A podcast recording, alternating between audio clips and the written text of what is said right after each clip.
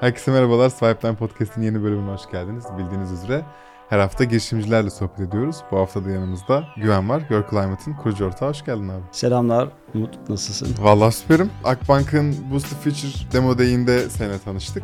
Ve Demo Day'de ben de dedim ki burada harika girişimciler var. Herkese benden podcast. Böyle bir davette bulundum. Sen de ne mutlu ki hemen böyle kabul edip geldin. Your Climate'ı çok merak ediyorum. Çünkü yaptığınız işi az önce deneyimledim. Süper. Ee, birazdan anlatacağım. Ve böyle aa hani bir, bir farkındalık anı olur ya cam kırılır. Onu yaşadım. Your Climate ne yapıyor anlatır mısın? Umut Climate'da biz esasında varlıklar için iklim değişimine bağlı risklere yönelik bir adaptasyon desteği sunuyoruz. İşte bu varlık senin oturduğun şu anki ofisinde olabilir. Sana ait olabilir, olmayabilir. Sana aitse tabii çok daha kritik oluyor Hı-hı. çıktılar. Bir yatırım yapmışsın. Günün sonunda oraya bir e, finans olarak bir bağlanmışsın. Gelecek yıllarda iklim değişiyor. Bu iklim değişiminden benim varlık lokasyonum nasıl etkilenecek? Ne kadar etkilenecek? Bununla ilgili bir veri olması belki son kullanıcı için çok çok e, önem arz etmiyor ama büyük e, varlık yatırımlar için konu inanılmaz derecede kritik. Biz hı hı. bu tür e, yatırımların iklim değişimiyle ilgili önümüzdeki yıllarda yaşayacağı problemlere veriyle destek sağlıyoruz. Kimin ihtiyacı olduğunu düşünüp başlıyorsunuz böyle bir şey? Nasıl başladığına falan geleceğim bu arada. Hemen bu küçük konuları bir atlatayım istiyorum. İlk aşamada esasında yenilenebilir enerji yatırımları bu konuda çok daha ihtiyaç sahibi. Niye? Hmm. Bir, e, iklim değişimiyle ilgili yaşayabileceğimiz riski minimize etme konusunda e, hem sürdürülebilir üretim yapma enerji açısından. Enerji en büyük açıklardan, ihtiyaçlardan biri. E, o konuda bu yatırımlara inanılmaz derecede bir para bağlanıyor. Fakat iklim değişimiyle ilgili açık arazide konuşlanmalarından dolayı da bu enstrümanlar ilk elden mağdur olma potansiyeli taşıyor. Aa, mesela bu bir güneş enerjisi paneli de olabilir bir rüzgar gülü de olabilir. Ben bunu şu an buraya koydum fakat 5 sene sonra burada bir sel riski olabilir. Rüzgar kesilebilir. Bu sıcaklık rüzgar kesilir mi çok emin değilim Hayır kesilmez de. yani orada rüzgarın potansiyeli ne kadar artar veya azalır mı? Bunun e, gelecekteki değişimi nasıl olur? Bizim daha tabii fiziksel olarak risk olarak nitelendirdiğimiz işte türbinler açık arazide. Bunlar metal kompozit malzemeler ve yıldırımla ilgili sahada başka yüksek irtifada bir şey olmadığı için evet. doğrudan çekiyor. Tabii. Tabii ki korunma e, için birçok farklı tedbir var, birçok ekipman var. Fakat günün sonunda açık arazide metal kütleler bunlar ve yıldırımı çekiyorlar. Hı hı. Gelecek yıllarda yıldırım riski e, sahada ne kadar artacak ve hangi sahada ne kadar artacak? Bu yatırımcı için kritik bir yorumlama perspektifinde oradaki sürdürülebilir finansman desteğini veren banka için de önemli. Hı hı. Artı sigorta şirketleri içinde. Yani en çok onlar için aslında. Evet, üç paydaş içinde ortak kullanım olan bir veri üretiyoruz.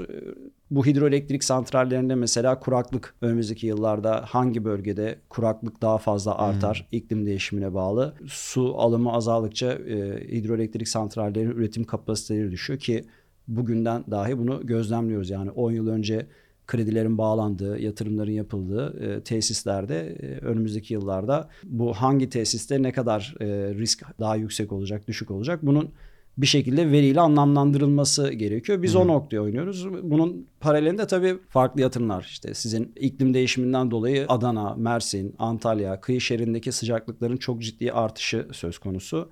Önceden yaz turizmi için oraya insanlar belki geliyordu ve daha ılımandı hava. Yani tamam yazın Antalya'da Hiçbir zaman değildi de bu yani yazın en, en, en, en hot şey tap yaptığı sıcaklıklar e, belki ne bileyim 45 derecede kalıyordu. Şimdi 45 dereceyi 3 gün görmüyorsun da e, 10 gün görüyorsun. Hmm. Peki önümüzdeki 20 yılda 30 yılda kaç gün göreceksin? Yani bu gün sayısı artacaksa eğer orası artık turizm için İspanya'nın kıyı şehri, şehri hmm. mesela şu an inanılmaz derecede talebin azaldığı bölgeler bu. İnsanlar daha kuzeydeki yerlere gitme taraftarı. İşte turizm açısından sıcak bölgede e, daha sıcak olması dezavantaj. İşte kuzeye geliyorsun biraz daha e, kayak pistlerinin olduğu lokasyonlarda e, kış turizminde önceden belki 4 ay 5 ay kayak turizmi oluyordu o tesiste. Bu Şimdi süre 3 aya 2 aya düştü. Kar kalınlıkları azaldı hı hı. gibi bu önümüzdeki yıllarda ne kadar artacak, ne kadar nereye gidecek? Tesis bazında bunun e, varlık yatırımcısına raporlanması artı tüm ülke bazındaki bütün asetlerin kontrol edebileceği şekilde bir data setiyle biz ilk elden sigorta firmalarıyla zaten çalışmaya başladık. Çünkü yatırımın sahibi e, başına bir zarar geldiğinde önce sigortaya gidiyor ve bunun teminini istiyor. Zararının teminini istiyor. Sigorta da burada bakıyor hangi risk nerede daha yüksek ona göre poliçe bedelinde optimizasyona gidebiliyor. Kümülde bir birikme varsa işte bir bölgede çok fazla poliçe yapması ve orada risk gitgide alansal olarak yükseliyorsa o zaman oradan çekilmeye başlıyor gibi. Hı hı. Oha çok garip. Bana işte sanırım bir saat önce bir mail geldi senden. Ee, ve şu an bulunduğumuz ofiste Acıbadem'deki ofisimizde ki riskleri gördük. Şu an yüksek riskli hiçbir şey yok sizin evet. e, raporladığınız parametrelerde. Fakat iki tane orta risk var. Biri deprem. E, fakat baktığımızda yağıştan heyelana sen parametreleri benden şu an ezbere bildiğin için daha söyleyebilirsin. Yağış, fırtına, yıldırım, kar, heyelan, sel, deprem. Orada o rapor aslında çok örnek bir ilk elden kıyaslama raporu. Hı hı. Sigortanın e, hızlı kıyaslama için kullandığı veriden oluşturulmuş bir rapor. Orada 7 tane meteorolojik parametre var. 3 tane de topografik. İşte meteorolojik parametrelerde bahsettiğimiz o fırtına, yıldırım, e, dolu, kar kalınlığına bağlı risk, e, zirai don tarzı. Tabii bu senin lokasyon için çok şey değil ama tarım arazisi olan bir yer için kritik bir e, bilgi. Paralelinde de topografik olarak sel, deprem ve heyelan riskleri. Hı hı. E, deprem İstanbul'un zaten Gerçi. evet gündemi tüm ülkenin aslında kritik bir risk parametresi. Bizim doğrudan böyle odaklandığımız bir e, parametre değil ama Siz daha çok e, iklim tarafına. Evet, siz. iklimsel yani klimatolojik ve meteorolojik çıktılara Hı-hı. biz yoğunluk veriyoruz. Oradaki raporda e, çok hızlı bir e, kullanıcı kendi bulunduğu lokasyonu veya yatırım yaptığı bir lokasyonu, evi, arsası artık e, tarlası riskini okuyabiliyor, görebiliyor. Nasıl başlıyor abi bu iş? Rüzgar danışmanlık hizmeti veren e, 2011 yılında kurulmuş Alkazar var. Hı. Orada kurucuyum ben. Biz orada rüzgar danışmanlık hizmeti veriyoruz yüksek katlı yapılar için. Bizim e, iş kolumuz bayağı esasında ileri seviye mühendislik. Sen kaç yaşındasın? 38. Ha sen genç gösteriyorsun. Okey tamam 2011'de kurduk falan değil 2008 lisans mezunuyum. Ne, ne mezunusun? Makine mühendisliği. Nereden? İstanbul Üniversitesi. Tamam, okey. Alkazar'da biz e, yapı fiziği danışmanlığı diye geçiyor işin Hı-hı. E, özü. E, orada ileri seviye mühendislik projelendirilmesi. Yani şöyle yüksek katlı bir bina tasarlıyorsunuz veya mix bir yapı tasarlıyorsunuz. İşte İstanbul'daki büyük AVM'leri düşünebilirsiniz yüksek katlı olanları. Hı-hı. Orada kule e, binanın üstünde rüzgar sebebiyle fırtına anında ne kadarlık bir basınç oluşacak? İşte cam cephe, pervaz kopar mı? Kopmaması için bizim nasıl bir dizayn kriteri belirlememiz gerekiyor tarzında çıktıları raporluyoruz. Tabii paralelinde yaptığımız başka simülasyona dayalı böyle işler de var. Bunlar hesaplamalı bilimler diye geçen e, metodolojinin altındaki analitik yöntemlerle çözemediğimiz mühendislik problemlerini deneysel olarak bilgisayar ortamında simüle ettiğimiz yaklaşımlarla çıkan raporlar. Orada bir bilgi birikimimiz vardı. Rüzgar konusunu e, yapılarda çok fazla meteorolojik veri analizi yaparak e, hmm. irdeliyorduk. Olayın çıkış noktası bu süreçte de sigorta firmalarından birisiyle birkaç projede böyle bir araya geldik. Onlarla biz meteorolojik veri analizi yapabiliyoruz. Yani sizin bu konuyla ilgili hiç ihtiyacınız olur mu? Bir konunuz gündeminiz var mı diye. Aslında yalın girişim Your Climate. Sorduk. Onlar dediler ki ya biz rüzgar türbinlerine poliçe yapıyoruz. Çok yıldırım düştü belli bölgelerde. Siz bu yıldırıma bakar, bakar mısınız? Hesaplayabilir misiniz? Tabii masada güldük hepimiz. Biz o detaya hiçbir zaman inmemiştik. Yani hesaplanabilirliğinin olacağını da öngörmüyorduk. O dönem meteoroloji mühendisi arkadaş da yoktu ekipte. Sonra matematiği kodlaması çok iyi olan bir arkadaşımız vardı. Biraz araştırdı literatürden. Bunun yapılabileceği ile ilgili biz e, bir şeye kapıldık. Dedik biz bunu yaparız. Hı-hı. Bir şekilde halledilir bu. Sonra oturduk çalıştık. Bir 9 aylık çalışma. Akademik bir yayınımız çıktı oradan. Avrupa'da bir konferans paper tarzında. Sonrasında da algoritmayla biz bu verileri ürettik. İlk elden meteorolojik risk verilerini ürettik. Yıldırım da bunlardan bir tanesiydi.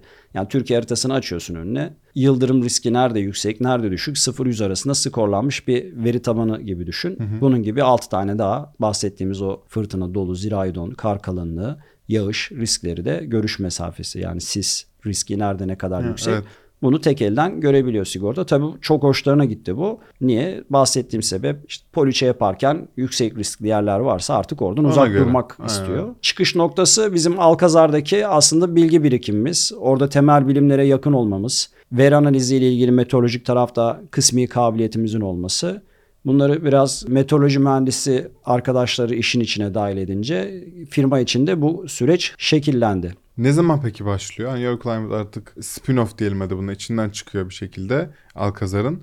Ee, ne zaman bu şirket başladı diyorsunuz? 2021 2021. başı esasında Your Climate'ın başlangıcı diyebiliriz. İlk satışı işte 2021 e, ortasında yaptık. E, sigorta firmalarından birine veri satışını kiralıyoruz daha doğrusu verileri. Tabii hala böyle şeydeyiz aslında. Yani Your Climate'ı bu arada şirketleştirmedik hala. Hı, tamam okey. Aynen bu Alkazar üzerinden süreç ilerliyor. Biz orada e, biraz daha yatırımcı gelirse yatırımcıyla birlikte Your Climate'ı AŞ olarak kurarız, ölçekleriz. Çok Ee, işte ölçeklenecek scale. Zaten şu an scale olma aşamasına geldik yani o süreçteyiz. E bu noktaya kadar da hep kendi kazanımızla ilerledik. Alkazar'ın e, halihazırda benim finansman desteğimle süreç ilerledi. Tabii teknik bilgi birikiminin yüksek olması gereken bir konu bu. Orada da e, içeride istihdam ettiğimiz arkadaşlarla süreçte çok tıkandığımız zamanlar oldu. Ayrılıklar yaşadık. Her Tabii ki canım. startup vari ilerleyen firmanın yaşadığı tarzda yani geleneksel firmalarda da bu ayrılıklar oluyor da e, startup mantalitesiyle sürece devam ettiğin zaman bir şey hevesi arıyorsun sürekli. Ya benim gibi o da heveslensin Ve koysun. mümkün değil bu arada. Evet. Ben çok onu gerçek bulmuyorum. Zamanla öğreniyorsun Aynen öyle. Aynı ikili ilişkilerdeki gibi düşe kalka böyle diyorsun abi bu benim kadar motivasyon olacak, heves edecek birisi yolda olursa Çok bulursam nadir. ne ala. Evet. Ee, kısmet oldu öyle söyleyeyim. Ben kısmet diyorum ona. İTÜ'de hesaplamalı bilimlerden e, yüksek lisansta bir ara sınıf arkadaşım olan Deniz ET Zürich'e gitmişti. İklim bilim Aha, üzerine yüksek lisans e, çalışmaları için. Almanya'da e, işte bir dönem iklim etki enstitüsünde sonrasında Almanya Kutup Araştırmaları Merkezi'nde çalışmaları olmuş onun. LinkedIn üzerinden bir ara böyle mesajlaştık. Ben ona biraz tabiri caizse salça oldum. Ne yapıyorsun orada? İşte gelsene buraya. Bak burada ben böyle bir şeyler yapıyorum. O tabii uzaktan uzağa şey yapıyordu böyle. Ara ara destek veriyordu. Sonrasında o da Türkiye'ye dönme kararı aldı. Ben de ona teklif götürdüm. Dedim ben bu işi bir kıvama getirdim ama gerçekten e, pozisyonun gereği bir sağlam bir destek lazım. İşte birlikte koşar mıyız? Ben dedi varım. Onunla şimdi son bir senedir tabii önceki şeye göre çok daha fazla yol aldık. Özellikle gelecek senaryoların hazırlanması tarafında bizi hızlandırdı. Öyle de devam ediyoruz. Alkazar'da tek kurucusun. Your Climate'da iki. Doğru. Ee, değil mi? bir de Emray diye bir arkadaşımız var. O da topografik riskler tarafında yani sel, deprem, heyelan tarafında veri hazırlanması, o verilerin servis edilmesiyle ilgili onun hevesi, motivasyonu. O da o konuda yüksek lisansını yapmış birisi. Sel konusu dediğim gibi sigorta için aslında Türkiye özelinde depremden sonra afet tarafındaki en kritik konulardan bir tanesi. Biz e, tabii şehir hayatında olduğumuz için belki çok hissedemiyoruz ama Karadeniz bölgesinde e, çok sık sel, heyelan vakaları oluyor sigorta o tarafla çok uğraşıyor. Ee, O da onların bu veri setlerinin içinde meteorolojiyle birlikte topografik olarak bunlar da olsun e, talebi vardı. Emray da bize o süreçte dahil oldu. Şimdi üçümüz o tarafı böyle tamamen artık koparttık götürüyoruz. Çok iyi. Peki dataları nereden ulaşıyorsunuz? Yani siz bir şekilde bu, bu datayı toplamıyorsunuzdur gibi düşünüyorum. Var olanı siz de kiralayıp satın alıyorsunuzdur diye düşünüyorum. Bu bayağı hani herhangi bir yere gidip başvurup para karşılığında yapabileceğim bir şey mi yoksa daha ciddi süreçleri olan bir şey mi? Meteorolojik olarak şöyle bir olay var. Ee, Türkiye'deki Meteoroloji Genel Müdürlüğü de dahil. Ee, dünyada işte Amerika'da NOAA, Avrupa'da ECMWF isminde bunlar devlet tarafından kamu kuruluşu olarak geçen kurumlar var. Şimdi mesela Türkiye'de MGM Meteoroloji Genel Müdürlüğü birçok farklı yerden e, hava durumu ile ilgili veri topluyor. İşte Türk Hava Yolları e, uçuş sahanlığında hava durumu verisi üst atmosferden topluyor uçaklardan. Paralelinde denizlerden, gemilerden, işte şamandıralardan veri toplanıyor. Bu toplanan bütün veriler Türkiye üzerinden sürekli ECMWF Avrupa'daki merkeze gönderiliyor. Bizim gibi işte bu bölgede 28 ülke daha topladığı bütün verileri oraya iletiyor. Sonra merkez bu toplanan verileri düzenliyor, istifliyor. İşte dünyayı böyle gridlere bölmüş. Misal veriyorum 9 kilometre 9 kilometrelik gridlerde o verileri herkese açık şekilde yayınlıyor. Tabii veriyi sen böyle hemen ben tıklayayım, indireyim, e, açayım, üstünde oynayayım çok pratik değil. Bazı ara operatör desteği gerekiyor. İşte meteoroloji mühendisleri mesela o konuda çok yetkinler. Onların desteğiyle e, bu verileri public olarak yani herkes açık olarak yayınlanmış verileri alıp biz anlamlı hale getiriyoruz. Anladım. Bu meteoroloji ile ilgili olanlar, klimatoloji ile ilgili olan orada da şöyle bir biraz eğitim tadında olsun orası. Meteoroloji işte bizim önümüzdeki bir saatten 15 güne kadar aldığımız hava durumu verilerini biz meteorolojik hadiseler diye tarif ediyoruz. İklimle ilgili bir şeyi konuşacaksak minimum 30 yıllık bir döneme bakmamız gerekiyor. İşte 1960 ile 1990 yılları arasındaki hadiseleri referans alıp önümüzdeki 1990 2020 önümüzdeki 30 yıl işte ne kadar değişti iklim değişti mi iklim diye konuşacaksak eğer önceki 30 yılın referansıyla önümüzdeki 30 yılın verisini kıyaslamamız gerekiyor ki Hı evet iklim değişiyor işte değişti veya şurada şu kadar değişiyor gibi bir söylemle ifadede bulunalım. Yani e, çıktı verelim. O yüzden meteorolojik e, iklim e, biraz böyle iç içe geçmiş halk tarafında öyle söyleyeyim. Yani genel geçer öyle bir şey ayrım çok yapılmıyor ama iş tarafına geldiğiniz zaman bu ayrımla çıktıları vermeniz gerekiyor. Dediğim gibi orada işte iklimle ilgili de veriler farklı yerlerden genellikle enstitülerin servis ettiği hı hı. işte akademik çalışmaların yapıldığı bizim aslında hepimizin e, akademi tarafı çok daha şey böyle kuvvetli. Oralardan aldığımız verileri biz sürekli anlamlı hale getiriyoruz. Orada iyi matematik bilmen gerekiyor. Kodlama tarafında e, kendi problemini çözecek şekilde, çözebilecek şekilde kod yazabilmen gerekiyor. Matematiksel kodlar bunlar. Yani bir işte bizim yazılımsal olarak yazılan kodlar var. Bir de matematik Hı-hı. işlemleri için kod yazılması gerekiyor. O tarafta fiziği bilmen gerekiyor. Meteoroloji ve klimatoloji anlamında ki o kodu ona göre yazdırıp çıktılar ona göre hı hı. yorumlayabilesin. Ekibin o tarafta kabiliyeti işte deniz merkezli. Dublin'de Dublin Üniversitesi'nde hidroloji mühendisi Metin var. Akademiden arkadaşımız o destek veriyor. Newcastle Üniversitesi'nde e, bir hocamız var. Sağ olsun o ara ara bize destek veriyor. E, Manchester Üniversitesi'de Doğuşan isminde bir arkadaşımız var. Hava kirliliği konusunda Avrupa'da çok ciddi çalışmaları, projelerde yer almış. Onun know-how'undan hızlıca istifade ediyoruz. Bergen Üniversitesi'nde Norveç'te bir hocamız var. Ozan. Onun sağladığı e, destekler var. Yani çok fazla herkese açık veri var ama bu veri hangi ülke için hangisi makul, hangi veriye odaklanıp onun e, çözünürlüğünü artırmak diyoruz biz. Hı hı. Sadece Türkiye'ye mi hizmet veriyorsunuz? Türkiye için mi?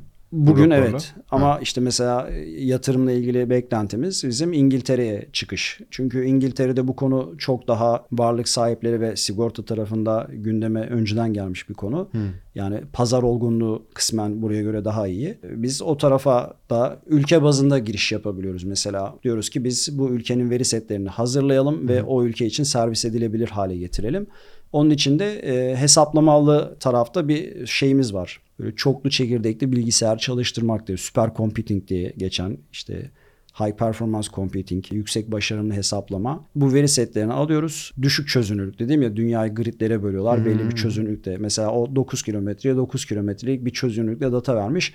Ben onu 1 kilometre 1 kilometrelik çözünürlük haline getiriyorum ama bunu böyle basit istatistiksel yöntemlerle değil bayağı nümerik analiz yapıyorum. Hı hı. Şöyle işte Antalya taraflarına gitmişsinizdir mesela deniz kıyısından geçerken e, hava günlük güneşlik biraz arkaya çıksan orada acayip bir hadise vardır. Hı hı. Soğumuştur. Şimdi işte deniz suyu e, yükselir, buharlaşır. Yukarıda soğuk bir hava rejimine denk gelir. Orada soğum olur. Şimdi 9 kilometreye 9 kilometre bir grid alansal olarak bu çözümlemeyi yapsanız o dağın eteğindeki sağ tarafındaki denize bakan tarafla sol tarafında yayla o, o yukarıda kalan tarafın şeyini çözemezsiniz. Göremezsiniz o farkı. Çünkü 9'a 9'luk 36 kilometre sabunlanmıştır. Öyle söyleyeyim. Hı hı. Ama sen onu bire bire indirdiğin zaman bir kilometreye veya bir o zaman o sağlıklı bir şey sağını solunu denizin bu tarafıyla diğer tarafındaki farkı da görebilirsin. Şimdi bunu 30 yıllık periyot için düşün. Yani 30 yıllık periyotta ben e, o çözünürlükle datayı verdiğim zaman birisi getirip de işte deniz kıyısına bir şey yaptığında onun e, nasıl onun için hadiselerin nasıl değişeceğini veya 5 kilometre ötedeki 1 kilometre ötedeki tesis için aslında hadiselerin oradakinden daha farklı olabileceğini söyleyebilme kabiliyetini yaşıyorum. Aslında tam değer önerimiz burada. Yani o düşük çözünürlüklü, hali hazırdaki herkes açık olan veriyi yüksek çözünürlüklü hale getirip hı hı. yüksek başarımlı hesaplama yöntemiyle bunu servis edilebilir şekilde sunuyoruz. Peki nasıl para kazanıyor abi iş? Şöyle e, verileri hazırlıyoruz. Mesela sigorta tarafında risk e, skoru olarak bu bahsettiğim 10 katmanımız var. Sigorta firması Türkiye haritasını açıyor. Bugün Türkiye'de olduğumuz için. E, herhangi bir lokasyona tıklıyor. O lokasyonla ilgili e, sana yolladığım rapordaki gibi önüne bilgi geliyor. Diyor Hı-hı. ki bu varlık noktası için riskler böyledir. İşte e, sel riski 100 üzerinden işte 60'tır. Deprem riski şu kadardır. Fırtına riski bir liman için böyledir gibi.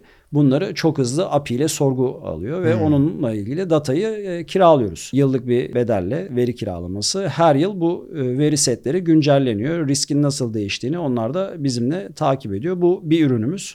Your Climate Score adını verdiğimiz, gittiğimiz, girdiğimiz ülkenin e, bu şekilde risk haritalarını servis ettiğimiz e, bir ürün bu. Paralelinde bir de workability dediğimiz e, günlük hava durumu olaylarına bağlı olarak da varlık sahibinin sahasını takip edebildiği işte bu bir düğün salonu da olabilir. İşletmecisi açık arazi işte şey yapıyor. Ha, e, doğru. etkinlik yapıyor. Yarın ne kadar fırtına var mı? Varsa hangi şiddette? Yağış var mı? İşte 15 güne kadar nitelikli saha sözünde özelinde iyileştirilmiş hava durumu tahmin oluyor. Yani normalde biz telefonlardan girip uygulamalardan bakıyoruz hava durumu ama bu sahaya veya senin bulunduğun lokasyona göre iyileştirilmiş bir çıktı Çok vermiyor. daha geniş bir alana göre. Ben ona özgü zamanla hava durumu tahminini iyileştiriyorum. Artı ikaz mekanizması var. İşte yarın e, tesiste yıldırım riski var diyorum e, şu şu saatler arasında. Ona göre operasyon kararını veriyor. Bu ürün sürekli işte geliştirdiğimiz, e, içine farklı eklentilerle e, müşterinin talebine göre revize ettiğimiz. En son enerji firması ben hem gelecek yıllar risklerimi burada görmek istiyorum. Hem günlük risklerimi görmek istiyorum.